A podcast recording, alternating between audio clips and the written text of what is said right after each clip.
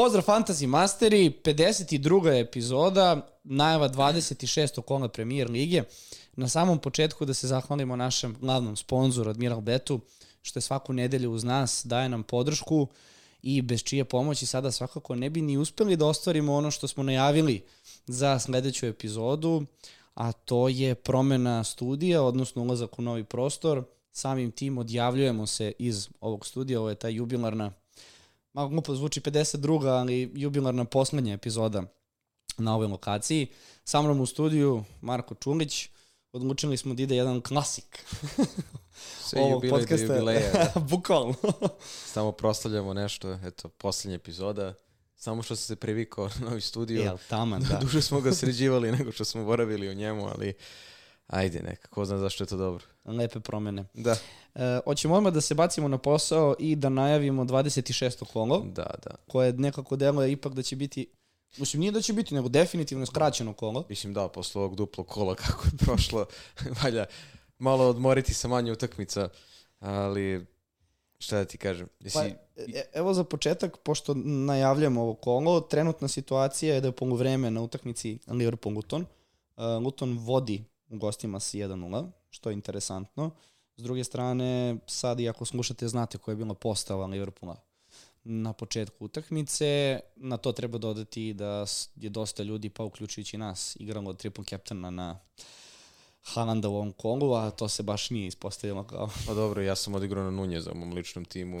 znači... pa ne, celo ovo kolo zaista. Mislim, da Haaland nije postigao onaj gol i to se na kraju desilo iz greške aera. Ali, Mislim da, bi imali, da bismo imali jedno skandalozno duplo kolo. Na kraju krajeva čak ni Hala nije bio najbolji što se tiče poena i City-a u tom duplom kolu. Rodri i Rodri, Walker. Jede, Vo, Rodri, Walker, pa Jederson su imali više poena od uh, Halanda, da ne pričamo Liverpool utakmica protiv Brentforda počinje kao i snova. Žota asistira Darwinu, Žota pada, povređuje se. se. Darwin mistično nestaje na polovremenu, na kraju smo saznali da je neka povreda. Ulazi Salah, gol, asistencija, naš Salah je to ono više poena za 45 i nešto više minuta nego Haaland za dve utakmice. Ali za sada je i odigrao 45 pa, minuta. Pa toliko je odigrao. Da ne pričamo o odbranama Liverpoola, evo primila je gol na obe utakmice. Baš onako poražavajući duplo, duplo kolo iz tog nekog ugla šta smo očekivali. Zato da. bih ja i postavio prvo pitanje koje imamo od naših gledalaca, to je da, da li da obrišem fantasy zbog živac. To je da, postio Ikra, devet, veliki pozdrav za celo ekipu. Znaš kako, to je Viško rekao na gostovanju tebi, da ne igra valjda više fantasy zbog uh, nerviranja ja mogu da, razum, da razumem ljude koji se nerviraju jer zaista ovakve situacije mogu da izbace nekoga iz takta ili ako neko ima stresnu i tešku sezonu, ali ajde na kraju krajeva da damo neki savet da je ovo ipak igra i nek to tako ostane u tim nekim okvirima, da je to sve ipak šala, zabava, lepo je radovati se, možda malo se iznervirati, ali ne treba dozvoljeno Boža na fantaziji bude toliko težak za praćenje ako nam ne ide da se nerviramo zbog toga znam da nije lako i da neke moje pozicije može zvuči tako smešno da kažem, e, kao nemoj da se nerviraš zbog fantazije, ali nije ni savjet da se obriši, jer najcrnije je pred zoru, tako da pa, doći uh, tom momku koji je pitao da li obriše fantazije sigurno nekih boljih pet minuta. E pa vidi, upravo da se to ne bi desilo, ovo jeste 26. kolo, ali iza Ćoška nam sledi i to 29. i još mnogo I tih duplo 28. I, i duplo 34. 37. Za, i tako. Zašto kažem 29. Da. Zato što je pitanje free hit u 29. 29. kolu ili sklopiti ekipu sa 6-7 igrača. Ja bi to pitanje proširio kako bi dao savet upravo ovo, narednih 4-5 kola, šta ljudi da rade, kako da odigraju te čipove, da li da ih čuvaju ili prosto sad da se krpe. Evo, da, prvo idealna da, prilika da, za triple captaina, da. vidiš ako smo svi prošli. Pa da, ko, ni, ko nije aktivirao triple captaina Halanda za 28. kolo, triple captaina Solankea ili čak ako se Adebayo oporavi ili Carlton Morris može bude neka onako zanimljiva varijanta, ali neki konkretan savet za to 29. kolo, uh, ja bih za to sačekao da prođe naredno 26. kolo, jer sledeće nedelje će da se odigraju utakmice osmine finala FA Kupa. Sa druge strane, ja ću na našoj Instagram stranici da napišem kakva je trenutna situacija, koji klubovi imaju sigurne utakmice, koji klubovi bi mogli da imaju utakmice, jer vrlo lako može da se desi situacija da imamo šest utakmica, među kojima može da se desi da i Chelsea i Arsenal odigraju svoju utakmicu u okviru Premier Lige, pa da nema potrebe da se aktivira wild card, wild card ovaj, free hit, ali čak i u neku ruku koliko free hit zapravo može nekom da donese koristi ako je takvo kolo da nema previše futbolera koji mogu da naprave razliku, a znamo da će 34. i 37. kolo isto nam budu grupisano duplo kolo i 34. potencijalno prazno kolo potom zbog završnice FA Kupa. Tako da ajde da sačekamo sa nekim konkretnim savjetima kad prođe osmina finala FA Kupa, kad budemo tačno znali koji timovi neće igrati ili koji će timovi igrati u 29. kolu. Lepo si rekao, ćemo da, da najavljamo sada polako Ako nema kolo. nekih pitanja koji ste da izved, izdvojiš. Pa i bit će ih u sklopu Biće u sklopu, da. da utakmica. Uh, prva utakmica u subotu od 16 časova, da. Uh, Aston Villa igra protiv Nottingham Forest. E sad, kako ćemo ovo da pa, uvedemo? Ajde da započnemo sa Olijem Watkinsom. Spominjali smo par, par puta prethodnim epizodama da je možda tema razmatranja za prodiju, ali definitivno nije. On je ove godine najkonstantniji, najbolji napadač kada pričamo o fantaziju on ima 20 poena više od prvog sledećeg napadača na fantaziju, a to je Haaland. Naravno, Haaland je propustio određen broj utakmica, ali Oli Watkins iz ugla fantazije donošenja poena je trenutno neko ko ne sme da se proda. Svako ko ga je stavio na klupu ili ga je prodao pred prošlo kolo je bio baš surovo kažnjen, čak i mogao da dođe do više od dva postignuta gola, tako da u ovoj situaciji on zaista postaje na obaveza skoro u rangu Saki ili Palmera do skoro, da ne pričamo o nekim drugim sad futbalerima. E sad, Aston Villa je jedan od timova koji će imati to 29. kolo. Sad možemo da pravimo neku strategiju u tom nekom pravcu ako neko nema free hit ili neće da ga iskoristi, da se možda grupiše nekoliko futbolera Aston Villa. Problem za Aston Villa je što je odbrana ponovo desetkovana. Dakle, Dinj se sad vratio i tu je sad zapravo dilema kada će i u kojim meri da uzima minute Moreno, da li će onoma da se vrati u startnu postavu ili ne, da li će da dele minute. Nema Konce, to jest on bi trebalo da se vrati, nema Mingsa već duže vremena, Carlos je povređen, dakle sada odbranu činio glavnom Lengle, Keš koji ponovo upao startnu postavu na posljednje dve utakmice. Ja lično mislim da tu može čak Pau Torres, koji se oporavio, može bude nekako najkonstantnija opcija, jer bi trebalo da ima najsigurnije minute, a ima i dobru, dobar izlazni pas i eventualno može da dođe do nekih poena ofanzivno. E sad, druga varijanta koja može bude jedan jako zanimljiv diferencijal pod uslovom da nema probleme sa povredom je Leon Bailey na posljednjih 12 utakmica na 10. mislim da je bio starter. Uglavnom kada nije igrao imao neke sitne probleme.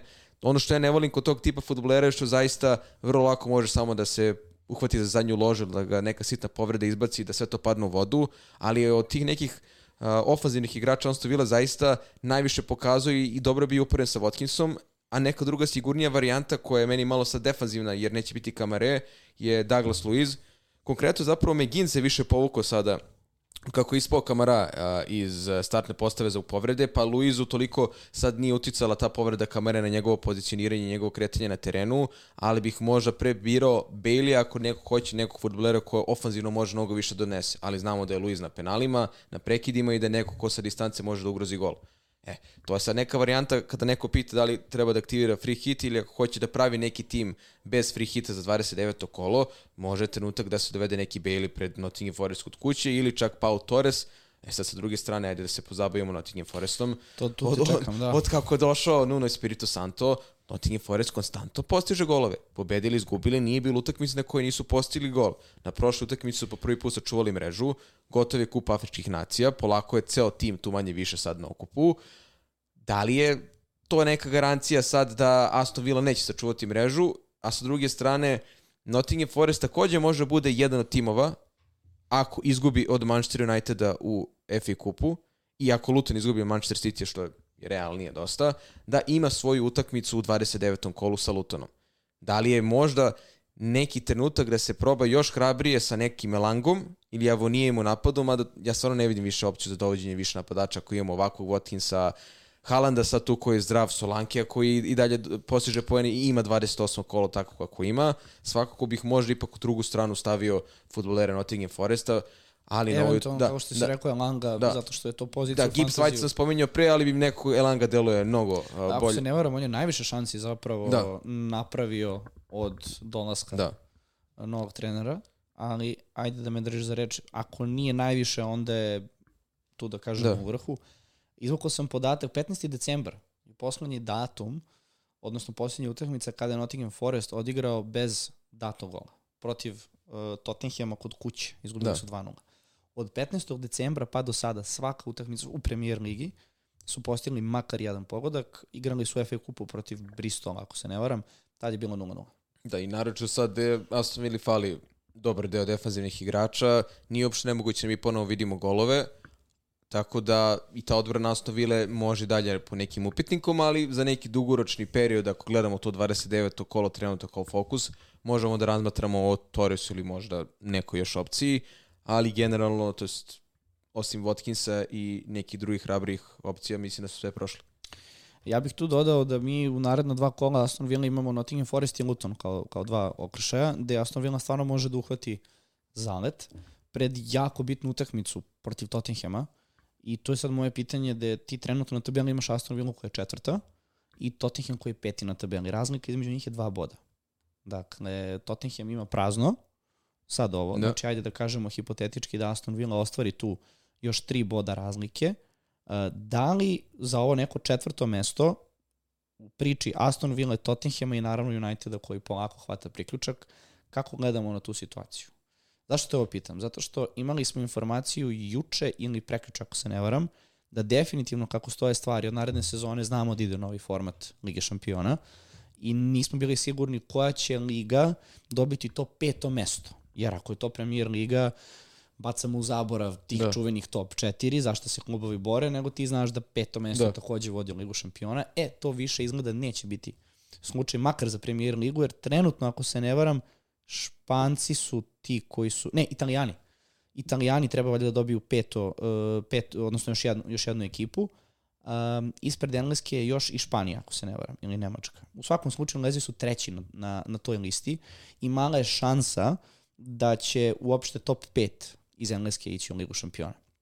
Šta to znači za ove tri ekipe i na koga bi ovaj, obratio pažnju, odnosno šta misliš ko će ući u tih top 4 na kraju, jer realno Liverpool City i Arsenal su definitivno. Da, mislim da sad vidimo tri. samo, doći ćemo do Liverpoola, do duše Liverpool nema utakmicu, pa ih možda nećemo spomenuti, ali ovo je zaista zabrinja, zabrinjavajuće što se tiče povreda kako se sve sad uh, u prethodnih par dana pro, poremetilo. Sad gube od Lutona kod kuće. Ne znam da li si uključio da pratimo rezultat. Pratim, ali imam 700 otvorenih. Da. I dalje je 0-1 za Luton, 54. minut. Jer ozbilj, mislim, ozbiljan Bez- udarac da ti u jednoj utakmici ostaneš bez dva futbolera, bez Žote koji će verovatno duže odsustvovati, Darwin Nunez bi trebalo da bude spreman za final Liga Kupa i Salah koji nije bio ni planiran da igra toliko, je već dobio odmor zbog umora i kao potencijalnih grčava koji imao.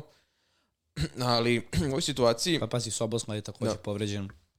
Sad- Alisson. sad pazi ovu, ovu postavku. Imamo Aston Villa, Tottenham i Manchester United. Tako je. Aston Villa koja je isto prožeta povredama, možemo mi da pričamo sve i o drugim timovima, ali Aston Villa isto pretrpela sve i svašta ove sezone.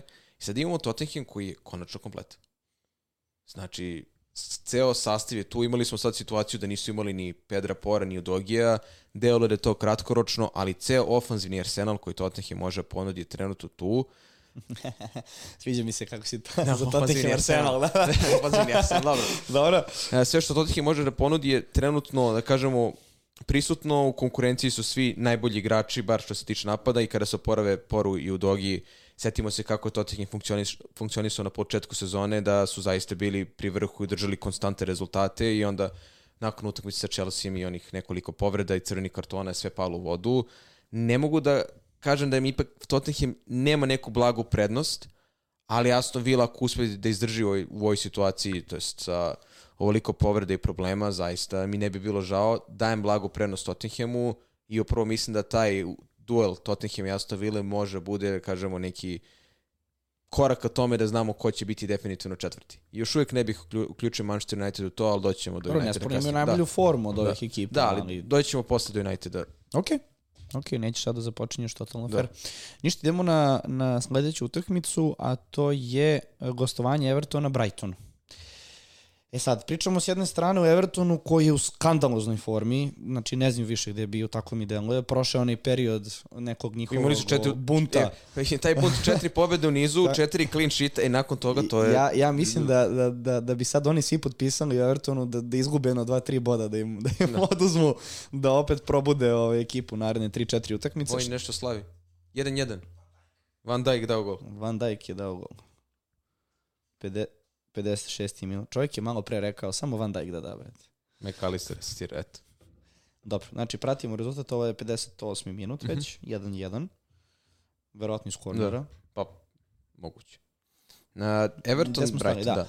Everton koji je u katastrofalnoj formi i delo je da to sad već ozbiljno izgleda kao ekipa Da. koja će se boriti jedva za opstanak, trenutno, trenutno kako izgleda. S druge strane imamo Brighton, ja više ne znam šta da kažem za njih, majke mi. Znači, imaju rezultat, nemaju rezultat. I onda imaš dva igrača koje se izdvoje, Nikad dosadno sa njima. ali bukvalno nikada osim. Imaš kao Gross, eto, kao on je tu, Nego, pa, evo- Gross je gospodin, mi Toma, eto, taman kad kreneš da, da, da pričaš nešto o njemu loše ili da si potpuno zaboravio na njegov Da. fantaziju, eto, kao dve asistencije, Estupinjan, ti očekuješ da će da se vrati, da Igra, doradi ne igra, nešto. igra, ne igra. Igra, ne igra. Da. Baš ono, ove sezone Brighton, ja ne znam, stvarno za najhrabrije da, da Pa dobro, bilo koga iz Brightona. De Zerbi, je, kako su ga poredili sa Guardiolom, uh, sa tim rotacijama, jeste u neku ruku ispoštovao, to jest ispoštovao, napravio brojne muke, ovaj stupinja nije bio sad protiv Sheffielda u startih 11 na utakmici koju je Brighton dobio 5-0, pa sigurno bi je Stupinjan imao neki učinak u napadu, uh, pored tih toliko golova da je bio na terenu. neki bonus.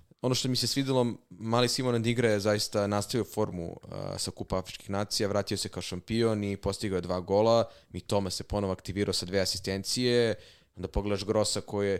Taman kad smo imali oni podcast pre četiri emisije, kad smo rekli da možda Gross može da se izvadi, vezuje tri utakmice na kojima je donosio poene, je sačuvao mrežu. Naravno, glavno pitanje je verovatno što raditi sa Stupinjanom koji je bio najpopularnija opcija uz Grossa do sada od kako se vratio na teren, deluje mi da je neka konstanta takva da jednu partiju igra kao starter, drugu počinje sa klupe. Moja pretpostavka je da će biti starter protiv Evertona. 2-1 za? Za Liverpool? Kad pre? Gakpo. Dobro, Kad pre? da se mi vratimo ovome. Ne možemo dve rečenice da... ne, mogu, ne mogu da završim bilo šta. Uh, gde sam stao? Dakle, Pa Mi pričali smo Toma da- Digra Gross trenutno ne znamo šta ćemo da radimo s napadačima jer Joa Pedro dalje muči zadnja loža. Ferguson je nekako ispao iz te fantasy priče, prosto nije uhvatio neki konstantan ritam. Ali ako bi neko baš morao da bira nekog futbalera iz Brightona, trenutno mislim da bih birao Adingru, jer je on i pre Kupa Afričkih nacija delovao ne, kao neki futbaler koji će, ima i zasi, koji će imati zasigurnu minutažu i pružuje sasvim korektne partije. Naravno uz Grossa koji je tu ipak naj bitniji futbaler na sredini terena, izvodi prekide, između ostalog i penale, ali problematika Brightona je što oni verovatno neće imati utakmicu u 29. kolu, jer je planirano da igraju sa Manchester Cityjem, ako Manchester City samo prođe Luton u FA kupu, sigurno neće imati utakmicu, čak i ako Brighton prođe Wolvese ili ne prođe Wolvese zapravo u ovoj situaciji, da li možda sačekati neki kasniji period i juriti futbolere Brightona kada budu bili dupli prazna kola. Pa moje, moje bolje pitanje bi vjerojatno bilo, ako nećeš sada imati nekog iz Brightona nakon onakve utakmice, ako pričamo pretežno o Grossu ili Digri, naredne tri utakmice su Everton, Fulham, Nottingham Forest. Dakle, Da. da. redka prilika gde oni stvarno imaju tri, vezane tri utakmice gde može nešto da, se očekuje od njih. Znaš šta je tu problem? Tu ti sad on, ona matematika, ako neko hoće da napravi tim za 29. Jest. kolo, da ima sigurne futbalere, Brightonovi najmanje šanse u, da igraju u 29. kolu imaju futbaleri Brightona i Citya. Znaš, i onda da ti Slažem ne, se. natrpaš se stup, stupinjenom grosom, može i trećom opcijom, što je preterano, da. ne. Ali da imaš dva futbolera iz Brightona, a nemaš free hit ili ne želiš da ga iskoristiš i onda dođe 29. kolo, malo nezgodna situacija. Pa dobro, neko ako već ima nekog Da. iz Brightona, stvarno ne dovoditi drugog Da. igrača zbog tog problema pre svega. Ili ako imaš free hit i planiraš da ga iskoristiš tada, onda možemo vrlo lako da pričamo o Dingri kao odličnom diferencijalu na sredini. Ako neko nema grosa, da li duplirati obojicu, dosta hrabra, dosta hrabra solucija. Baš. Da, i još ako neko ima je stupinjana, ali ajde da ispratimo kako će to izgledati sa Evertonom. Pitanje je bilo šta raditi sa Estupinjanom i da li je Grosso dobra opcija, ali Ne, malte ne smo... Znaš, znaš kako, pred utakmicu sa. Evertonom stvarno bih sačekao, dao bih mu još jednu šansu, jer on ako startuje i ako Brighton sačuva mrežu ili ne uradi nešto, zaista mogu da značiti i poeni. Ali ako i sad ne bude starter, možemo već pričati, pričati o tome da nije ipak dovoljno vredan ako ne znamo kada će... Pa i ako ne sačuvaju mrežu protiv Evertona, ja bih se usudio da kažem da nema onda šta specijalno odbrambeno da očekujemo od Da. njih, jer to nije Stupinjan kakvog znamo. Da. On je svaku tu defanzivnu nesigurnost Brightona nama vraćao sa to, go, dve asistencije, da. dva gola i tako dalje. Toga nema sad. Znači, ti njega moraš da gledaš kao igrača koji će vrlo verovatno, ako nešto donosi, prvo doneti u odbrani. Nažalost. A ako se već taj kiks desi protiv Evertona, stvarno ne vidim, a što ti kažeš, nijedan da. argument ako neko da juri sigurno skupije. Da, ali ako neko juri sigurnog defanzivca Brightona, to je Luis Danko. Sad je imao i asistenciju, uzeo 12 poena, mislim, protiv uh, Sheffielda ili tako nešto, bio dvocifren, što je poprilično i zaista super rezultat. Ćemo dalje? Može. Naredna utakmica Crystal Palace Barnley. Pa znaš kako. Crystal Palace u pome igrača ne igra. New, new Barnley je bar... da, ali... to, je, to je ono što mene najviše Protiv zanima. Protiv Barnleya. pa dobro, pobedili su, e, nisu pobedili, odigrali su nerešeno s Evertonom u gostima. A, prosto došla takva situacija da su se različili sa Royom Hodgsonom. Iskreno ne znam da li je taj trenutak bio zbog njegovog zdravstvenog stanja ili je bio pa zbog nekako, rezultata nekako, ili se jedno i drugo poklopilo da bude idealan trenutak da se na ne za, način raziđu. je da, o tome jako... pričati, ali meni nekako više naginje kao ovom prvom. Jer stvarno nije bilo nikakvih indikacija, makar ono koliko sam ja ispratio da će se tako nešto desiti, ali ajde što se desilo, to se desilo u 24 sata otprilike. Znači stvarno je delovalo kao da su seli i rekli, ok, to je to. Da li je zdravstveno, ne znam, ali prosto čovjek je u godinama, to je činjenica. Svakako sumnjam da će opet preuzeti neki posao Tako da svakako je on, odnosno sigurno ostaje kao jedna od većih legendi premier lige, makar što se tiče trenerskog posla, da. jer ako se ne varam, on je najstariji Pa da. Mislim, do skoro aktivni zapravo. Držao on je rekao kao prvi, drugi, najstariji menadžer e, da, Premier Ligi. Prvi, mo čak i treći. Da je tri ne znam da li je treći, ali znam da je bila onako jest. porazna.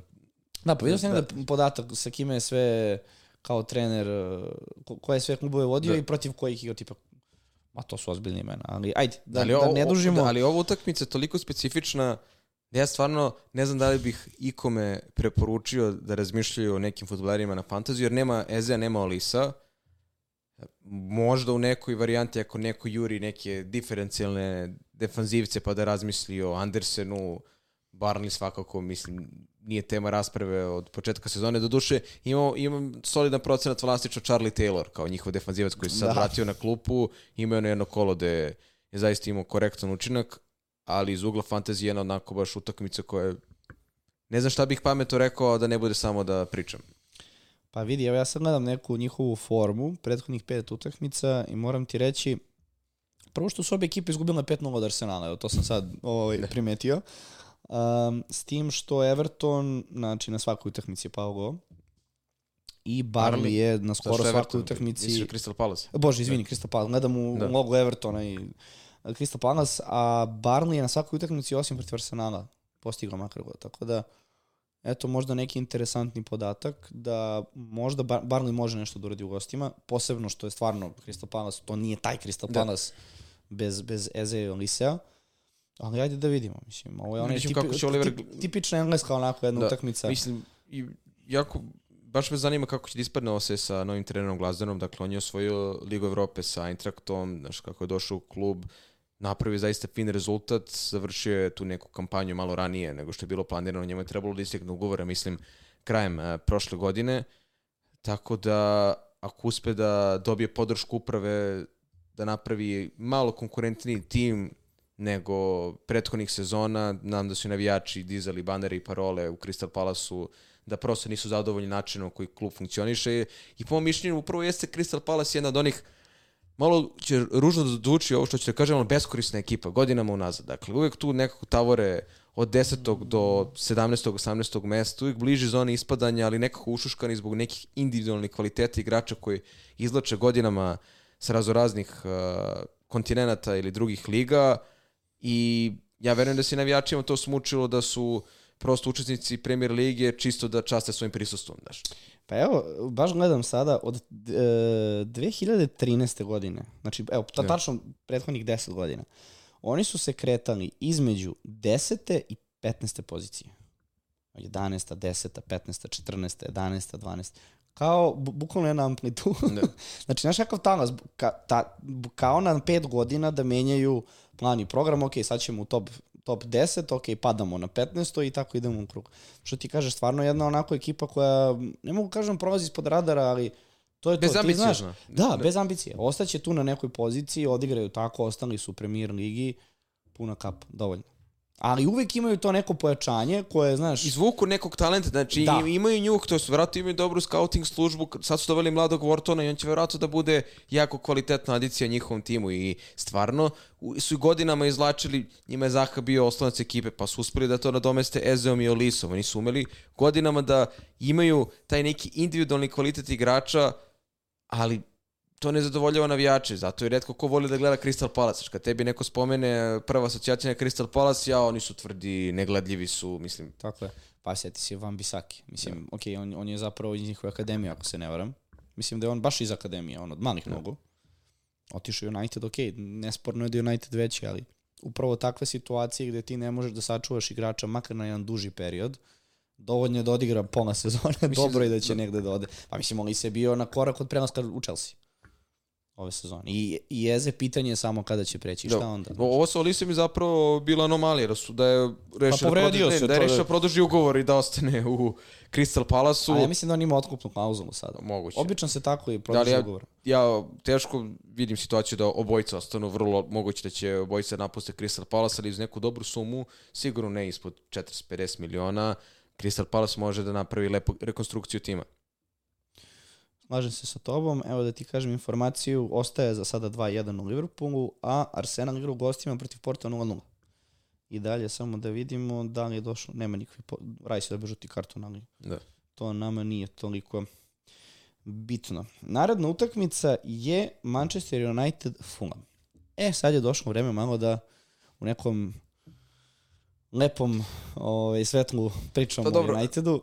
Ajde da probamo da budemo realni. Uh, ovo je najbolji niz rezultata Manchester Uniteda ove sezone što se tiče Premier Lige, ali ja ne znam koliko realno drživo neki dugoročni period. Ja mislim da United prethodnih nekoliko utakmica, i to pričamo o novim utakmicama na kojima je savladao protivnika dozvolio 73 upućena udarca ka svom golu. Ja vidio sam to, to je posljednje To je- tri da, utakmice, tako to je onako, nešto. znaš, nekako mi deluje kao da je trenutno onaj period haosa iz kojeg United uvek izlazi nekako kao pobednik, gde se Shaw povredio, verovatno je završio sezonu. Dakle, zašto je Regulon poslat uh, nazad na pozemicu? Zašto je završena pozemica na polovini sezone kada znaš da imaš levog beka koji je sklon povredama? Gde je Tyler Malasi? Šta se s njim dešava? Nije odigrao ništa ove sezone. Jel živ, jel trudan? Šta se dešava sa njim? Mislim, ljudi, A čekaj, on, on je dalje povređen On je zvanično. povređen, ali niko ništa ne priča o njemu, znaš, da bar, da bar znaš o čemu se radi. Danas je Ten Hag rekao da je to nekoliko nedelja. Šta se dešava? Dakle, ova utakmica protiv Lutona, to je sveopšti haos, kreće super, greška Lutona 1-0, 2-0, Hojlund zaista drži odličan ritam i formu u posljednje vreme i postiže golove, što je sjajno, to se očekivalo od njega, ali onda gledaš Kazimiro koji je na ivici crvenog kartona, taj čovjek, dakle, svaki put, na svakoj utakmici očekuješ to da je Kazimiro, realno, mislim, prosto tako je... I- ima pozitivnih stvari, dakle, i partije Garnača, Mainua, Mainua Hojlunda, ne možemo da pričamo da je sve tako loše i crno, ali ja ne znam koliko je ovo izdrživo ovako da zaista koncepcijski dozvoljavaš da te timovi pa manje više na svakih par minuta ugroze kakav god je udarac, da uspeju da upete udarac ka tvom golu.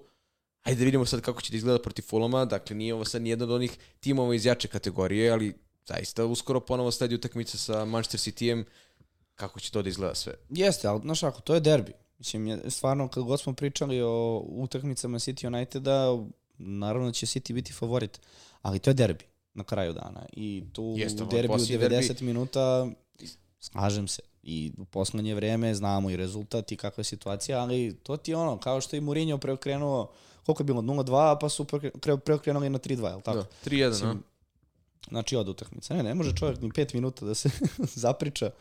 Jel 3-1, jel? Ko je dao gol? Inače, izašao je Bradley, izašao je Robertson. Luis Diaz. Luis Diaz, jel? Da. On je nešto, video sam pred početak, imao šuteva i prilika u 16 tercu koliko ceo Luton. Da, nešto je baš gadno promašio. Da. A meni ne izmazi dalje gol. Evo je zašto meni. Jeste, a? Dobro, 3-1. Pa dobro, 72. minut.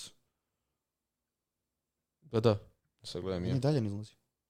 Nema veze, 72. minut, 3-1, možemo reći da je manje više ovo gotova utakmica. Mislim, ajde, evo da, 3 Čuda se dešavaju, ali objektivno, 3-1 već. Ovaj, teško da Luton to nešto može da uradi.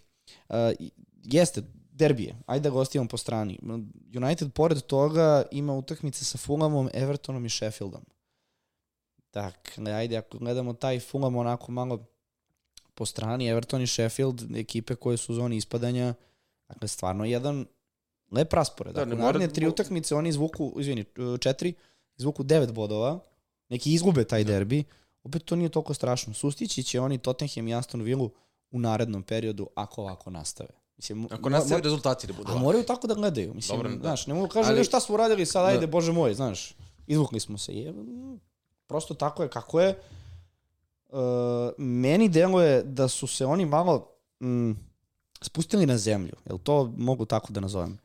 U kom smislu? Znaš, gledaš Rashforda kako trčkara futbolera da, dobro. Lutona i... Dobro, to je Rashford, ali u smislu da su se spustili na zemlju da, da su prosto prihvatili da to nije to ove sezone, da se od njih očekuje više, ali da je to više što oni mogu da postignu, verovatno otišlo daleko u smislu Arsenala, City-a i Liverpoola, gde moraju malo da spuste gas i da razmisle prosto šta su im ciljevi za ovu sezonu, gde ti onda u toj situaciji imaš jednog Garnača koji preuzima ulogu, da imaš jednog, ja ga zovem Kobi, ne znam zašto, prosto gotivno mi je da, da, da futbalera sad zovem Kobi, ali imaš Kobio koji će da preuzme tu ulogu na sredini terena. Ma, na, daju šansu uh, novim igračima, ajde to tako da kažemo, ali samim tim što im daju šansu su prihvatili da za svaku utakmicu oni moraju da se bore kao da im je finale.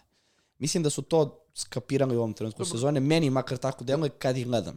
I poklopilo se to da su dva bitna futbolera napred uh, zaigrali bolje. Proradila. Da, da kažem proradila, ali da. ti dalje nemaš neki konkretni učinak Bruna i dalje čekaš Rashforda da uhvati neki ritam ili da bar malo pokaže neke znakove života. I u tim situacijama ti neko da. drugi preuzme pre, preuzme teret, kao što imaš Garnača i Hojlunda. Mislim, njih dvojica su, ako mene pitaš, a realno sada nosioci igre. Jeste, pa trenutno oni su, I rezultate oni su, igre. Oni su izneli ovaj period dobrih rezultata. Pritom, meni Garnača stvarno svaki put kad dobije loptu oko 16 terca, ti znaš da će nešto, da, da ima malo bolju, se desiti. Da ima znaš. malo bolju završnicu, samo bio bi mnogo više golova. Dobro, hvala da. Bogu. Ima, Mogu je sad i protiv Lutona par navrata da. postigne gol, pa te neće da šutne, te je dodao kasnom trenutku, ali ajde da uzmemo to da je mlad i da... Nauči se, na, nauči da se nauči to vremenom, ovaj, osim ako nisi Sterling, koji, iako je dao go City, promašio se vala koliko puta na ovoj utakmici. Ajde da, da ne idemo da. sada na, na, u tom smeru. Uh, ono što bi ja volio samo da kažem za United, me živo interesuje upravo ove naredne četiri utakmice, jer oni tu ako odigraju pametno i ako stvarno izvuku 9 plus bodova, oni mogu ozbiljno da ugroze i Tottenham i Aston Villa u toj borbi za top 4, što možda će u nekom trenutku napraviti ligu do kraja sezone polarizovanu, gde objektivno pratit ćemo borbu za titulu i borbu za to top 4 mesto. Pritom, šta mi je još interesantno, ako Arsenal i City doguraju do finalne faze Lige šampiona, može se desiti, sad ne znam tu matematiku, ali može se desiti da taj koeficijent ligama ostalim padne, da Englezima skoči i da zbog Arsenala i City-a uh, Premier Liga dobije to peto mesto. Jako teško, jako teško, ali nije, nije neizvodljivo. Dobre, tako to... da mislim da je to onako ova jedna interesantna priča do kraja ove sezone, da. koja nas može držati okupiranima, jer realno borba za opstanak sumnjam da će biti nešto interesantno kako je krenulo. Napravit će se neka polarizacija dole na dnu. Ali dobro, da vidimo. E, šta su pitanja za United, to me interesuje. E, da li je pametno uzimati nekoga iz odbrane Manchester Uniteda? Koga? Pa. Mislim, da, da imamo zdravog šoa, njega bih preporučio, jer je tokom prethodnih sezona, kada god je bio Iole u stanju da odigra neku utakmicu do kraja, mogo da donese poene ofanzivno i često je bio blizu bonusa. Ne znam da li bih ikoga preporučio, a nije ni odbrana Uniteda trenutno kalibar da ti garantuje neki clean sheet poene protiv koga god da igraju. Ako bih neko preporučio kao futbolera koji će dalje ostati delimično ispod radara, a malo će da mu raste procenac vlastištva, to je Hojlund, jer će jako teško... To je sledeće pitanje, da li jer, dovoditi njega? Jer će jako teško i dalje neko ko ima i Halanda i Watkins i Solanke, a to je verovalo verovatno veliki procent futbolera, fantasy igrača koji imaju sva tri futbolera na fantaziju, da se odrekne nekog od njih, naročito Solanke koji ima duplo 28. kolo, Watkinsa koji je najviše pojena donao na fantaziju i Halanda koji kao pojava samo uliva strahopoštovanje, da ne pričamo o nekim drugim napadačima, silom prilika, ako neko ima Darvina, može da ga zameni sada za Holunda, jer ne znamo koliko će ova povreda da utiče i da li će zaista odsustvovati, ali Hojlund trenutno predstavlja jedan hrabar korak, a da ga neko doveo pre 5-6 kola, u svakom kolu bi mu donosio poeni i mogao da napravi razliku. To je sad pitanje ko je spreman malo sad da rizikuje, jer imamo potvrdu da Holland donosi poene i da izbaci nekog Watkinsa ili Solanke. Da ne pričamo o Haalandu. Mislim, ajde, to je sad i dalje... Da li ti deluje da logičnije onda ako ćemo nekoga da iskoristimo u ovoj formi Uniteda koja traje, Garnačo, brate. Kao je da, realna opcija da Garnačo smo pričali, mi smo rekli da on zbog cene jako dobra opcija bila i za ovo duplo kolo da se omogući da imamo neke skuplje futbolere na sredini ili u napadu. I Garnačo je i asistirao Hojlandu, to je kako je asistirao, šutno je pa se odbilo od Hojlanda, ali donao poene na fantaziju, moga da, da bude i dvocifren. Ja verujem da će donositi poene u narednom periodu. A ako neko nema mesta za Hojlanda u napadu, onda Garnačo zaista može da pronađe svoje mesto negde među pet igrača sredine terena, naročito u ovom praznom 26. kolu gde nemamo futbolera Liverpoola, Chelsea, Tottenhema, što znači da nemaš Palmera, Richarlisona, bilo koga iz Liverpoola, otvara se dosta mesta. Dobro, pitanje je bilo i šta očekivati, odnosno dok ne može United do pa, kraja sezone, ali malo se tu izgleda ni ne slažemo. Nešto ajde da ti... da sačekam, jo, još ne bih da prognoziram nešto pozitivnije. Mislim, svakako ćemo da. se složiti da najviše što mogu da urade četvrto da. mesto, sigurno. Sve A, ostalo... Da, sve, mislim, četvrto, četvrto peto, mesto, šesto, ajde da kažemo, četvrto mesto je plafon i da slaviš to. Sve ostalo možemo da ras, raspravljamo o tome. Idemo na narednu utakmicu ako se ne varam, da, to je utakmica 6.30. Bournemouth dočekuje Manchester City. City koji ima duplo kolo, uh, mogu da iskoristi priliku da bude prvi na tabeli, nije. Prva utakmica protiv Chelsea završila se 1-1. Ja tu utakmicu nisam gledao, tako da ćeš ti više da posvedočiš. Verovatno jesi. Šta je bilo na toj utakmici? Kaže da je bila, gledao sam komentare, jedan od, jedna od boljih komparacija jedne osobe je da nije mogao da se odluči da li je Chelsea bio mnogo dobar ili City odigrao jedno od loših partija u poslednjih par godina. Uf. Uh, mislim da je Chelsea odigrao taktički jako dobro. Oni su znali šta su hteli na terenu tih 90 minuta i problem je samo nastao kada je pao taj goz 1-1. Uh, videlo se po tome da ciljaju definitivno tu levu stranu i to sam ja primetio po prvi put ove sezone, da generalno timovi mnogo koriste taj prostor između um, levog centralnog beka i levog krila. U ovom slučaju pričamo o Doku kao krilu i ako se ne varam, Aki je startovao. Mislim, da, Aki je startovao. Guardiola je povređen. Uh, mnogo forsiraju tu stranu. I Rodri ako ne stigne uh, da se vrati ili da preseče tu kontru, ta strana puca samo tako. Potpuno izbjegavaju onu kontru kod, kod Vokera, osim jednog Gordona koji može nešto onako da uradi.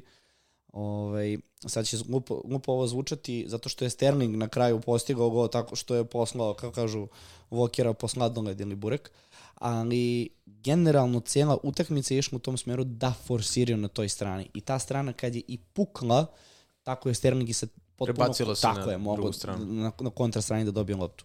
Mislim da je uh, Chelsea znao, kažem ti, od prvog minuta šta radi na terenu, to se videlo. Defazivno su bili jako dobro, ali diso si, brate. Ono je jedno od njegovih, on je bio igrač utakmice Chelsea bez preterivanja, ako se ne varam. Najviše uh, uh, očišćenih lopti od igrača Chelsea na jednoj utakmici u poslednjih 8 godina. Znači, vidi, ti kad vratiš 8 godina unazad, ozbiljna štoperska imena su igrali u Chelsea. Ozbiljna. Tako da mislim da Chelsea zaslužuje ovaj, svaku pohvalu na toj utakmici. Po meni bila je takođe vrlo interesantna kao na prethodna. Naravno ne može da se meri sa onom. Mislim i redko koja će moći. Ali mislim da Chelsea, gledao bi kroz prizmu da je Chelsea ipak bio kvalitetniji nego što se očekivalo. A City kuburi trenutno na toj levoj strani pre svega odbrambeno i isto tako mi nije jasno to korišćenje i nekorišćenje između Alvareza i Kevina, šta se tu dešava, jer mi je delovalo da će Alvarez potpuno izgubiti minutažu, jer se u ovom duplom kolu baš nije snašao. Ništa mu nije išlo od ruke, znači čovek je na 16-17 metara sam na voleju promaši celom loptu, otprilike pošalje ono u 26. red gore negde, u stvari to nije toliko daleko, 26. ali neki, 206. red. Uh, mislio sam da će Kevin imati mnogo veću minutažu, desilo se na kraju da je ono čuveno Guardiolano Niggles, kako da. se to ono. Iglice u... I, bukvalno iglice u nogama, ali očigledno neka povreda. Um, onako, ne znam, ne, neko pomešano mišljenje. Mislim da City može mnogo više, da imaju taj kvalitet već sada, ali da to nisu prikazali protiv Chelsea-a, pa čak ni protiv Brentforda, jedan dobar deo utakmice, da je Brentford odigrao baš bunkirski. Dakle, da su imali 12. igrača, igrali bi sa 12. igračem u 16 tercu, ali su opet i oni znali da igraju na kontri i mogli su ozbiljno da ugroze City. Imali su par prilika stvarno gde su mogli da postignu ni jedan ili dva pogodka. Nisu, na kraju se to završilo konačno nekim clean sheetom, ajde to tako da nazovemo, mislim, jeste clean da. sheet za City. Um, ali nekako bih rekao da je posle ovog duplog kola malo mi više vuče na crno nego na belo. Znaš, ovaj, propustili su tu šansu da budu prvi na tabeli, što nije mala stvar, ako pogledaš naredni raspored koji ima City, da, gde sad. ti kad pogledaš taj raspored ti vidiš da ide ključan deo sezone, dakle City u narednom periodu ima i Liverpool, i Arsenal, Uh, ako se ne vrem, i Aston Villa, da, kada je Brighton, da, ok, ne, ne znamo šta je s njima, ali Aston, ako gledamo ekipe da. koje su u top, jel te, četiri, Znači ima i Liverpool i Arsenal i Aston Villa. Znači ključan da. deo sezone za City. Gde mislim da nije bilo baš idealno da izgube bodove protiv Chelsea, ali dobro. Mislim, sve po zasmuzi što se kaže. Tako da ako pričamo o fantaziju, Haaland definitivno nije doneo pojene koje smo svi očekivali. A mogu je vidim da je promašio neke šanse protiv Chelsea. Gledao sam utakmicu protiv Brentforda. devet šuteva, da. devet šansi, mislim, stvarno nije mu se dalo, a i on je promašio par puta, onako lepo se obrukao. Um, I onda utakmica protiv Brentforda gde tebi na kraju se sve završava tako što Haaland daje gol, ali posle greške Ajera, mislim da se on okliznuo, gde stvarno ono čovjek stvarno ono teže promašiti ovaj, nego dati, ali ok, uzo je te bodove, nekako mi je to sad čudna situacija, Foden se nije pokazao, uh, u posljednjim minutama protiv Brentforda, mislim, jedan jedan sa golmanom, on krene da ga dribla pored stative, da li ovaj dirno loptu, ne znam, nije, ali nekako onako pomešano mi je, pomešan mi je stav, zato sam i pratio sad da vidim šta se dešava sa Liverpoolom, jer da su ispustili brodove protiv Lutona, to bi sad bilo ultra zanimljivo za narednu utakmicu, ali pa da, 85. minut, 3-1, gotovo je to. Tako da definitivno Liverpool ostaje prvi na tabeli i borba za titulu će da se definitivno odluče u narednih 5-6 kola. Evo, sad ću ajde baš da ne ispadne da, da lupetam, znači e, City ima prvo derbi s Unitedom, pa Liverpool, pa Brighton, pa, Aston, e, pa Arsenal, pa Aston Villa. Ne, baš. Dakle, po, United je, koji je to datum? United je 2. mart, a utakmica sa Aston Villom je 2. april. Dakle, to je mesec dana futbala, plus dođe Ligu šampiona. Paklen, nek, nek zapadne jedan Real March Madrid. March Madness u NCAA. Ne, ne, stvarno mesec definitivno odluke za ovu sezonu. Tako da ja mislim da sam dovoljno razvukao City-u da ovaj, pređemo na pitanja, u stvari da se dotaknemo Bormuta kroz pitanja. Zato što je pretežno tu samo tema Solanke. I šta raditi sa Solankijom, jer iz ugla Solankija Bormut ima City sada, da, ali zato naredni period Barnley, pa duplo kolo Sheffield i Luton, ono što smo pričali, da. kad ćeš idealnije duplo kolo ako ne sad, i nakon toga Wolverhampton, Everton, Crystal Palace, Luton. Dakle, jedan onako... Gledaj, ovaj, Reci. A, ako sad nisi, ako do sad nisi prodao Solanke, nema ni ne, pa nema, nema, po, nema poenta da ga prodaš sad, da ga kupiš pre sledeće kolo, prvo što ćeš možda izgubiti na ceni u razlici u kupoprodanoj. Tako da, ko ima sad Solanke, on sad i treba da ostane u timu. To je sad opet ona tema gde Hojlunda da smestiš. Ako ne, ako ne možemo prodamo Solanke zbog rasporeda i duplo kola, Watkinsa jer je donao najviše poena, Halanda jer je Haland, ili ide težak raspored, hoćemo ponovo da pričamo kao onom početnom delu sezone, da ide kao Halandu teži raspored, da li Alvarez može da ga pokrije, sve te teme. I na sve to, on ti je prvi strelac lige. I dalje prvi strelac lige. Da. drugi, drugi po poenima, drugi u fantaziju. Da. Eto. Znači, na sve ovo što ispričaš i sad nisi siguran više šta da... I gde ti to da smestiš Hojland? Ne, pa Ne, ja stvarno mislim da je nekako kako ti voliš popularno da kažeš, solomonski Da, samo- rešenje da dovedeš Grnača na sredinu i Da. tako nekako pokriješ ovu formu. Drugo Ni- pitanje. Ajde. Da li je Haaland sad jedini obavezan futbaler u nekom fantasy timu da mora da bude tu? Jer evo da je Bruyne od kako se vratio, bio je u par navrata na klupi, to je ta povreda zadnja loži godine koja on ulazi da ne možeš više da garantuješ da će on toliko da igra konstantno, a jeste da kad god uđe, on uđe, stvarno može za 20 minuta da ti donese 10-15 poena, ali za njegovu cenu ti imaš jedan arsenal i njihove futbalere, naročito Odegarda i Saku, Odegard koji ponovo kuca na vrata visokog procenta vlasništva i neke druge futbolere koji će imati utakmice u 29. kolu, da li je možda trenutak da probamo da se oslobodimo De Bruyna ili čak Fodena, ne znamo da li smo Alvareza već onako stavili u, to jest arhivirali kao da je igrač koji je zaboravljen za fantasy. Pa meni je neverovatno da je on startovao, ovisi moj sad Jedini period. futbaler ove sezone koji startovao na svakoj utakmici je Julian Alvarez. Mi njemu pričamo kao da je zaboravljena varijanta. On kad postigne jedan gol na nekoj narodnoj utakmici, već je ponovo da se priča, ok, da li može pokrije Halanda. A vrlo rato može to da se desi kad dođe teži raspored City-u. Ako Alvarez da gol ili više od Halanda na jednoj utakmici, da se pokrene neka tema, da li je bolje držati Alvareza i te pare koje ima Haaland, to jest koliko vredi Haaland da se ulože na nekog drugog futbolera. Nekako mi trenutno deluje da ako pričamo o City-u, a vratili smo se Ne. na City, isključivo imati Haalanda, jer može ozbiljno da te povredi u fantaziju, ali dalje od toga ne. Jer odbrana ne radi posao kako treba. Mislim, ta priča oko Vokera, ti kad gledaš utakmicu vidiš da je on jedini zapravo koji ofanzivno doprinosi uh, uh, uh, igri, ali opet, da li ćeš stvarno moći da priuštiš sebi? juče, juče koliko tim uh, City je manjka sa, za nekom kreacijom i za stvaranjem šanci Haalandu bez De Bruyne. Ne može Walker, ne može Kanji da ti stvara Vidi, šanse. Se. Stvarno je Haaland delovo u prvom polovremenu, ne mogu da kažem nemoćno, ali baš sam obratio pažnju na njegovu kretnju i gledao sam samo njega jer mi nije triple captain, pa sam se onako fantasy upravo se sredio na Haalanda. Zaista je delovalo kao da mora sam negde da se izvuče ili sam da se potvrdi da mu neko... E, definitivno njemu ovakve utakmice ne prijaju kada god se jedna ekipa povuče, pa se još i povuče ovako. Dakle, Brentford je poslednja ekipa u premier ligi koju je on postigao pogodak sa razlogom. Dakle, Toni je čuvao Rodrija. Kao kraj taktike priče oko bilo čega. Znači, tebi špic čuva veznjaka koji stoji na 20 metara od 16 terca.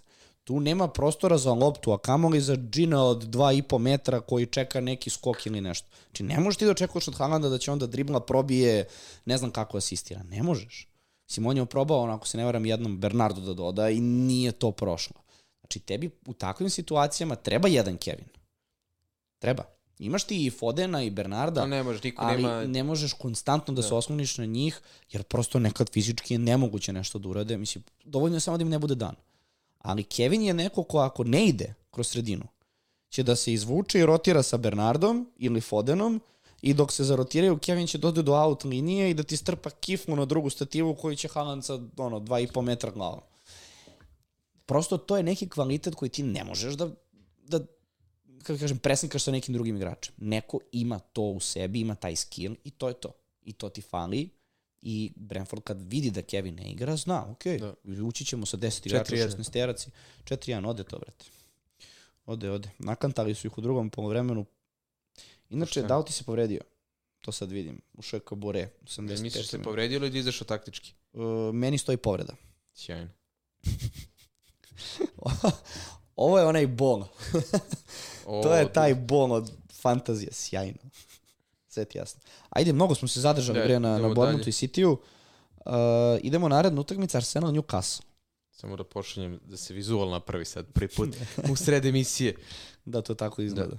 Tako što muštraš drugi ljude da, da ti prave vizualno. Šta smo rekli? Arsenal Newcastle. Arsenal Newcastle. Derbi kola. Pa da. Najzanimljivija utakmica. Arsenal zaista je u strašnoj formi. Dakle, prvo što su najbolje odbrana lige i statistički i generalno. Kad ih pogledaš, zaista su trenutno onako baš, kako bi rekli, ono, u hot formi Englezi. Saka konačno dve utakmice u nizu, dvocifren, dva gola, Odegaard. Sve ono što hoćemo Sve ono što njega, da. hoćemo, Odegaard, ono što se očekivalo njega. Odegaard je uh, futbaler to sam danas video, najučinkovitiji futbaler sredine terena od početka prošle sezone najviše golove asistencije ima od futbolera koji se vode kao veznjaci u Premier Ligi. Aha. A to pričamo o Odegardu kojeg smo spominjali ove sezone kako ipak deluje da, je, da pruža slabije partije malo i zbog koncepcije Artete sa dva polu špica i sa celom tom postavkom, ali ovo posljednje vreme kako su West Ham patosirali i potom sada Barnley, delo da igraju bolje bez Jezusa. Zaista Trossard je odlično odradio svoje minute, svi su donosili poene, osim Martinellija. Posljednje dve utakmice. Zamisli da si vlasnik Martinelli na fantaziju. Nama, ako se ne varam, bio dobar deo sezone. I on je bio dobar, dobar deo sezone u auto, nama je bio u timu, ali zamisli, treba pogledaš, ponovo se vraćamo na rezultat posljednje dve utakmice gde su postigli koliko, 11 golova, a Martinelli nije učestvovao ni jednom, ti ga držiš na fantaziju. Ali u, u ovom trenutku Saka je neko ko mora bude u vašem fantasy timu, čak nije nerealno da imamo i Odegarda, samo što je veća tematika tu, to je veća tema i rasprava da li treba imati dva defanzivca Arsenala, konkretno i Gabriela i Salibu, jer ovo što njih dvojica rade defanzivni, koliko su opasnost po gol protivnika je zaista poprilično ozbiljna da ti ako imaš nekog Gabriela i Salibu koji ti vrlo vjerojatno mogu garantovati clean sheet, do duša, ajde sad protiv Newcastle, možda malo manje, ali ipak Newcastle u gostima je znato slabija ekipa nego kad igraju kod kuće, ali Saka i Odegaard na sredini, čak eventualno u ovim trenucima dok nema uh, Žezusa da se proba s nekim trosarom jer je malo jeftinija varijanta, ali ajde da se držimo Sake kao okosnice i da pričamo o tome da Arsenal zaslužuje malo više pažnje opravdano na fantaziju, da moraš imati jednog defanzivca iz Arsenala, jer imaju najbolje odbranu lige, konkretno Galibu i Sabri, Galibu, Galibu. Realno? Salibu, Salibu ili Gabriela u Saku i sad to su dve, dva futbolera koje po mom mišljenju moraju da budu fantasy timovima, to jest jedan od ove dvojice pozadi, sad da li tu Odegaard ili neko drugi na sredini, jer nemaju trenutno napadača koji je zapravo napadač na fantaziju da igraju. Ni Kete, ni Žezus više ne igraju nego što igraju. Da. Newcastle, Gordon je na penalima, trenutno je on napadač. Uh, nema ni Isaka, ni Wilsona. Znaš koji je jedan podatak evo sad za ovu utakmicu što je meni onako baš bilo interesantno? Newcastle ove sezone, znaš oko bodova ima u gostima ukupno? Še, između 6 i 9. E dobro, sad si stvarno pretrao. Da. imaju 11 bodova. 11, dobro. Oni su poslednje uh, tri utakmice u Premier Ligi gostovanja, odnosno četiri ako ćemo gledati FA Cup, na gostovanjima pobedili za redom. Znači to su manje više jedini bodovi koje su oni skupili na gostovanjima naš, i to je sad u ovom periodu. A na naš, gde su skupili bodove na gostovanju? Sheffield, onih 0-8 kako je bilo. Da. Ali u ovom periodu sada, kad god su bili na gostovanjima, znači to je period od, od nove godine. Nottinghamu su gostovali... Znači imali su od nove godine Liverpool, uh, imali su FA Cupu Sunderland, imali su uh, Fulham isto FA Cupu, imali su Aston Villa u gostima i imali su Nottingham Forest. Pazi, dva sad, sasvim ozbiljno gostovanje, naravno što Aston Villa, ni Nottingham lagan uh, zalogaj na ali, City groundu. minimum su dva gola davali ako ne računamo to uh, gostovanje koje je bilo ovaj, pre 1. januara. Ali na kraju krajeva... Kad su izgubili od Lutona. Ne možemo znači, porodimo sa Arsenalom u ovakvoj formi. Znam, ali to je bio 1. januar, a sada je 21. februar. februar. Da. Dakle, to je jako lep period. Kvalitet u ekipi prisutan. To je to je činjenica. Tako da ne bih tako lako otpisao. Aha. Ajde to tako da kažem. Ali da je definitivno sve na strani Arsenala. Oni su u posljednje dve utakmice, ako im gol razlika plus 11, je li tako? Da. Ajde to što im je gol razlika plus 11. Oni su na posljednje četiri Jest, utakmice samo dva puta dozvolili udarac u okvir gola. Ili Ma ne, be, malte ne besprekorne. Se, da. da, malte ne besprekorne da. utakmice. Stekli su tu gol razliku koja je jako bitna i ovo je možda jedan od prvih, prvih sezona gde neko drugi ima superiornu gol razliku u odnosu na City, što je mogu ti reći jako bitno, jer to je matematički maltene imaš još jedan bod na tabeli. Da. Tako da, da, mislim da Arsenal je ovde apsolutni favorit. Saka je must have u ovom periodu, definitivno. I Saka i e, neko od štopera Arsenala, Gabriel ili Saliba, neko može da proba sa dvojicom. To su igrači bez kojih stvarno mislim da ne bi trebalo da se razgovara. Uh, naredna utakmica Arsenala su Newcastle, Sheffield, Brentford, Chelsea City. Sa tim što vrlo lako može da, da se desi da nemaju 20, 29. kola, ali Sheffield to ti stvarno može namiristiti na novu katastrofu u nekom rezultatskom smislu da Arsenal ponovo može da postigne dosta golova, tako da eto još jedan argument zašto imati makar dva futbolera Arsenala u naredna dva kola. Ne, apsolutno imati nekog iz defanzive i, i, i imati Saku, apsolutno. Sad tu eto, da li ćeš stvarno imati već tri iz Arsenala ako ćemo da pričamo o Kako Odegaardu? igraju, pazi, neko ko je držao uh, Odegarda, Salibu i Saku, na primjer, posljednje dva, tri kola na osvajao se bodova. Neko ko je držao i Gabriela i Salibu i Saku posljednjih nekoliko kola. Neko ko je držao Trosara, Saku ili bilo koga, nauzimao se bodova sigurno. To sad više nije tema šta ćemo s tri futblera. Desit će se neka utakmica da neće doneti pojene, ali u, ovoj, u ovom delu sezone to ti pravi razliku, to te gura ka vrhu ili vuče na dno. To je sad, možda bih ja rekao, druga stvar koju treba da izvučemo. Garnačo, sredina terena, pričam ti za našu Da. ekipu. I nemamo Garnača, to je možda jedna stvar o kojoj treba da mislimo. Ne, druga stvar, Nemo Saku. e, nemamo, da, nemamo Saku.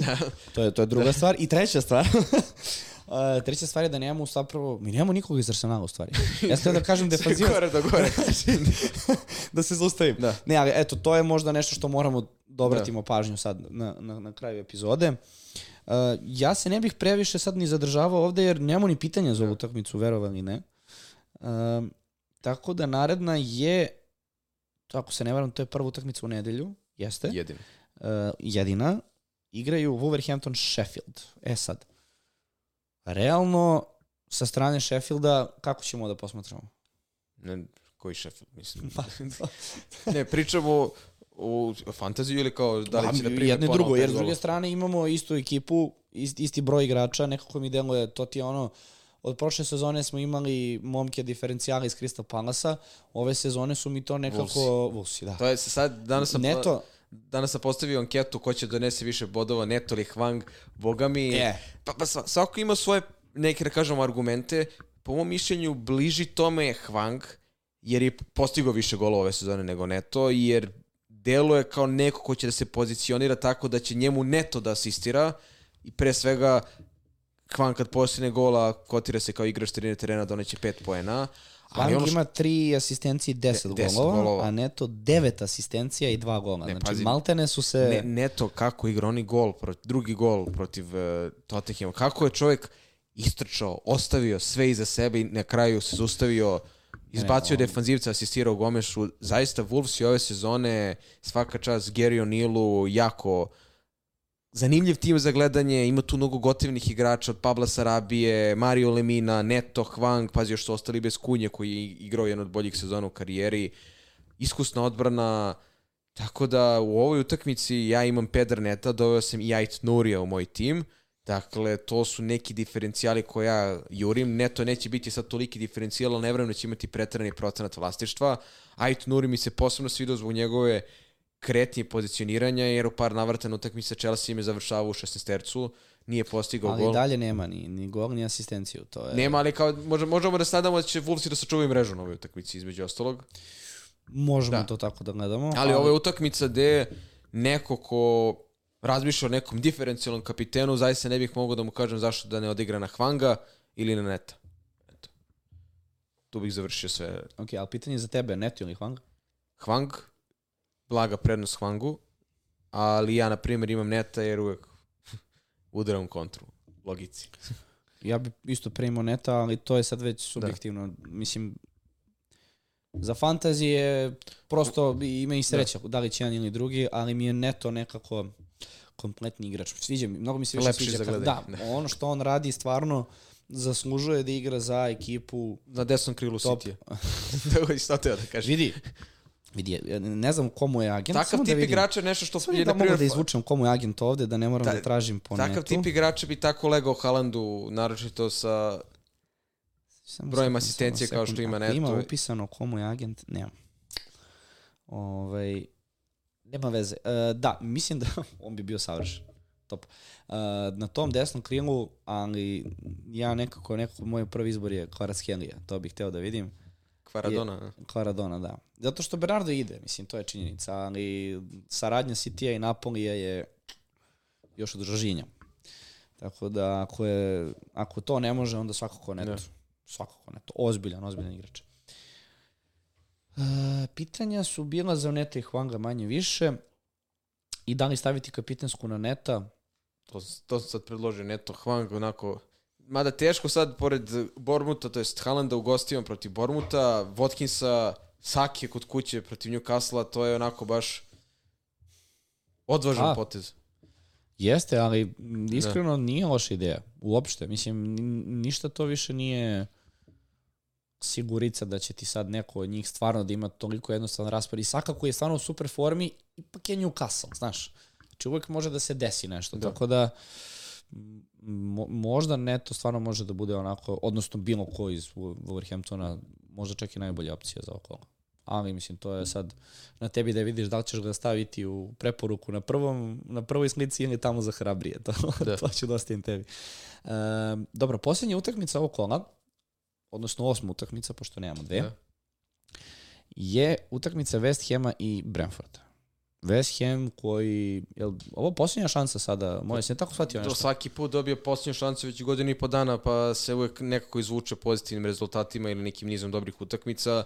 Ponovo je rečeno da je dobio priliku.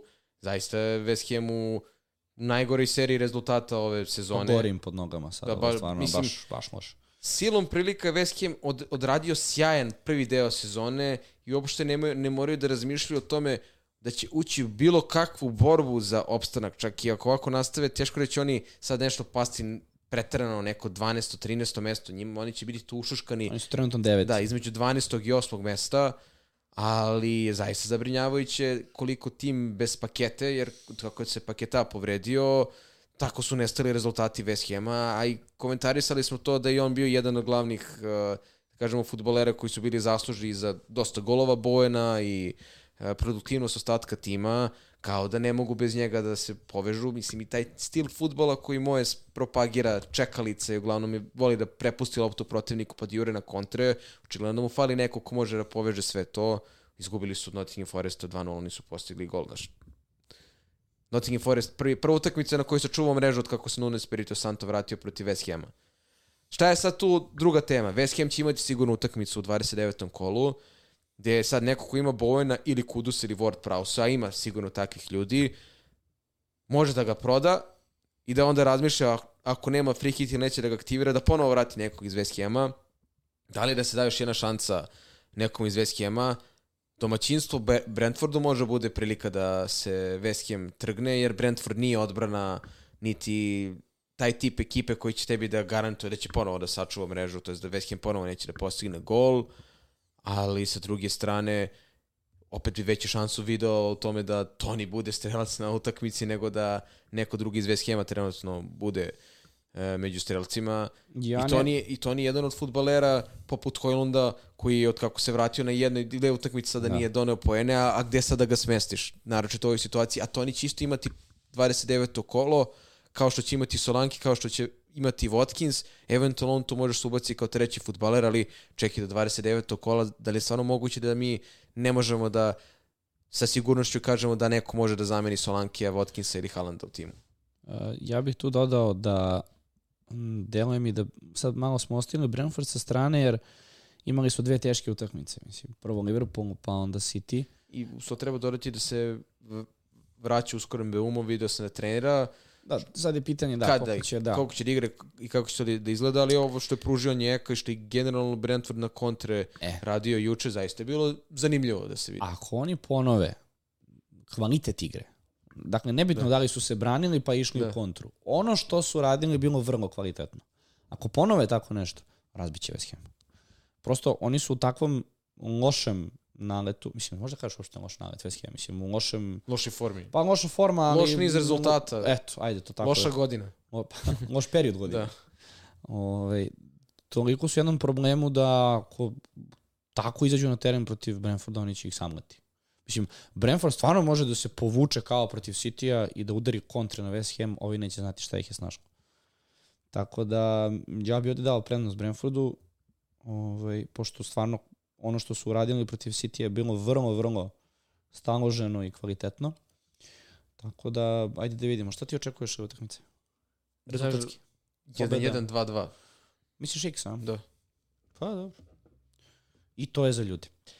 Dobro. Ovo je, sad imamo pitanja za utakmicu. E, da. E, pitanje je za Ben. Mija. Spominje me u grupi. Što? Zajedno Nešto za poene. Uh, dobro, morat ću da posle. Ćemo da. Pitanje Ben Mi kao opcija.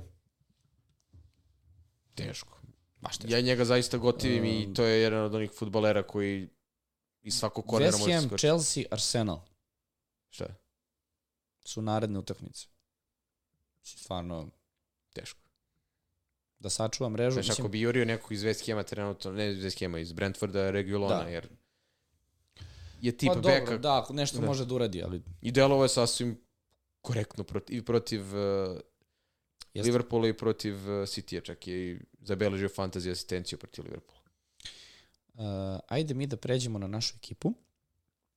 Da li se slažeš, pošto nema više Da. utakmica. Uh, kao što smo najavili prošli put, sad više nećemo da se pravdamo, pošto je poslednja epizoda. Sad vadimo, O. sad dovodimo Arsenalove futbolere. da, ne, htio sam da kažem da ni ovu epizodu nećemo imati ovaj vizual koji stoji Da. ovde, ali to će biti poslednja epizoda bez toga. Od sledeće epizode vraćamo, to obećavamo. Uh, idemo na transfere, pa ću ja sa... U, šta ih je crvenih?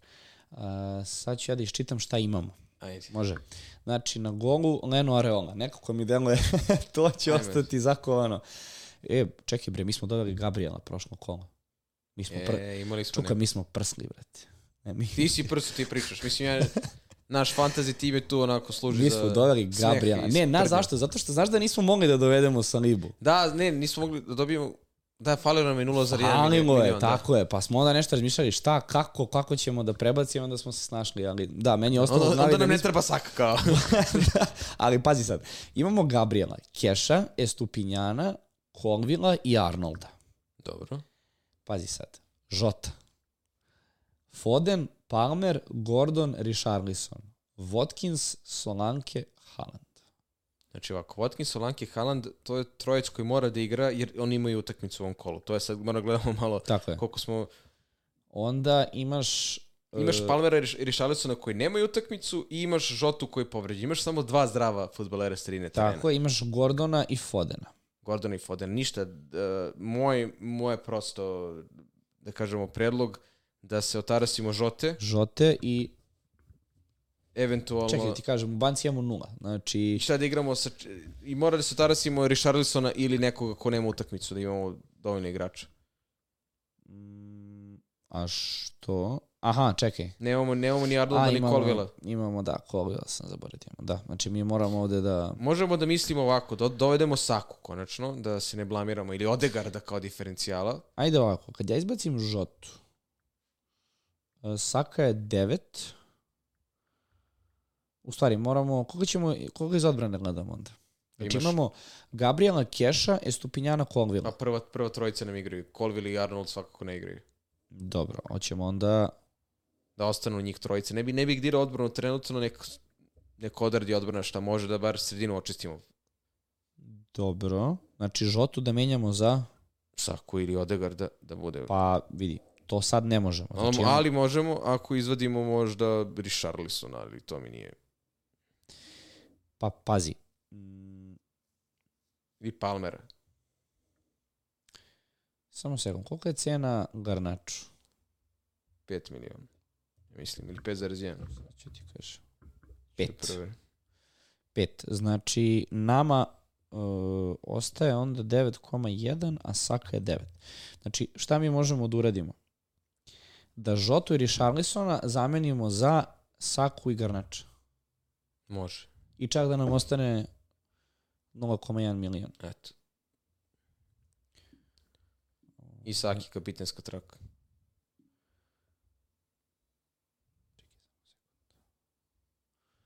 da nađem čoveka, pošto me užasava kad imam komp. Red, moram da ga tražim. E, Pardon, ostaje nam 1,1 milion. Nema veze, čuvaj, znači će. Uh -huh. Znači ulazimo u minus 4, ali to znači ovako. Gabriel Keš, Estupinjan su nam igrači za, za, za odbranu. Saka, Foden, dobro, Palmer. Saka, Foden, uh, Gordon, Garnacho, Watkins, Solanke, Haaland. Da mi smo stavili na klupu Solanke u prošlom kolu. Genijalno. Ja mislim da da. Ne valja ovo. Ne, ne valja ovo, brate. Ne možemo ovako, sledeće sezone da, da, ne, moramo da dajemo predloge svako svoj za... tim pravi, to je svako svoj tim nek prezentuje ili da pravimo vaš. Pa ne, pravimo, pravimo ekipu za to kolo, realno. Dobar. Mislim, kao ne. Ok, ćemo da radimo onda ovo. Može. Ajde. E sad, a, a, a, ostalo da radimo samo još... Pick team. Da, da, čekaj. Ovako, uh, Leno ili Areola? Leno brani protiv Uniteda, Areola, Areola. protiv Brentford. Uz nadu da će da nešto urede konačno. Gabriel Estupinjan, Arnold, tu sad moramo da, da ubacujemo Nema tu se, ne, ne, nema sad baš ni biranja, bukvalno nam tri futbolera ostaju na klupi. Pa, m, samo sekundu. Kad izbacimo Palmera, ubacimo Solankija, da. Hoćeš da. sad i kapitensku traku Haalande, zaboravljam. Pa evo, to je sad sledeće pitanje. Ili da idemo malo hrabrije na Saku. Ovo, brate. Iskreno, ja bi čak pre dao možda i Garnaču nego Saki. Ali opet Haalandu pre. Ajde, ti biraš. Rekli smo da si ti taj u toj stolici, odnosno ko sedi tu... Ajde na Saki, daj. Saki. I za... Dobro, Haaland. Uh -huh. uh, je li to to? Zamenili smo golmane, kapiten, to je to. Dobro, to je to. Ništa društvo, to je to. Odjavljamo se posljednji put iz ovog studija. Sad, ano, uvek me nekako malo one, da kažemo tužne emocije prosto stignu, ali ajde imamo neki dobar povod, ipak uh, nije da završavamo sa podcastom, niti da napuštamo naprotiv. Po, podcast zauvek, ali hvala vam na pažnji, hvala vam na svi pitanjima, dobili smo dosta poruke, čestitke, podrške na tome što se selimo uh, u novi studio i naravno želim da se zahvalim svima koji su to ispratili i ono standardne želje i u novom studiju kada budemo snimali da budete uz nas, da nas pratite, svaki like, share, subscribe nam znači. Nadam se da ćemo konačno dovesti tog gosta kojeg smo najavili za 50. epizodu i znam da će da vam se svidi taj gost jer ste njega i najviše tražili. Najviše, sad. tako je. Sve u svemu, društvo, hvala vam na pažnji. Posljednji put pozdrav iz ovog nekog ugla, a mi se vidimo već sledeće nedelje. Pa ne baš na istom mestu, ali skoro ista ekipa. Iz istih uglova. Iz istih uglova. tako je. Vidimo se. Ćao. Ćao.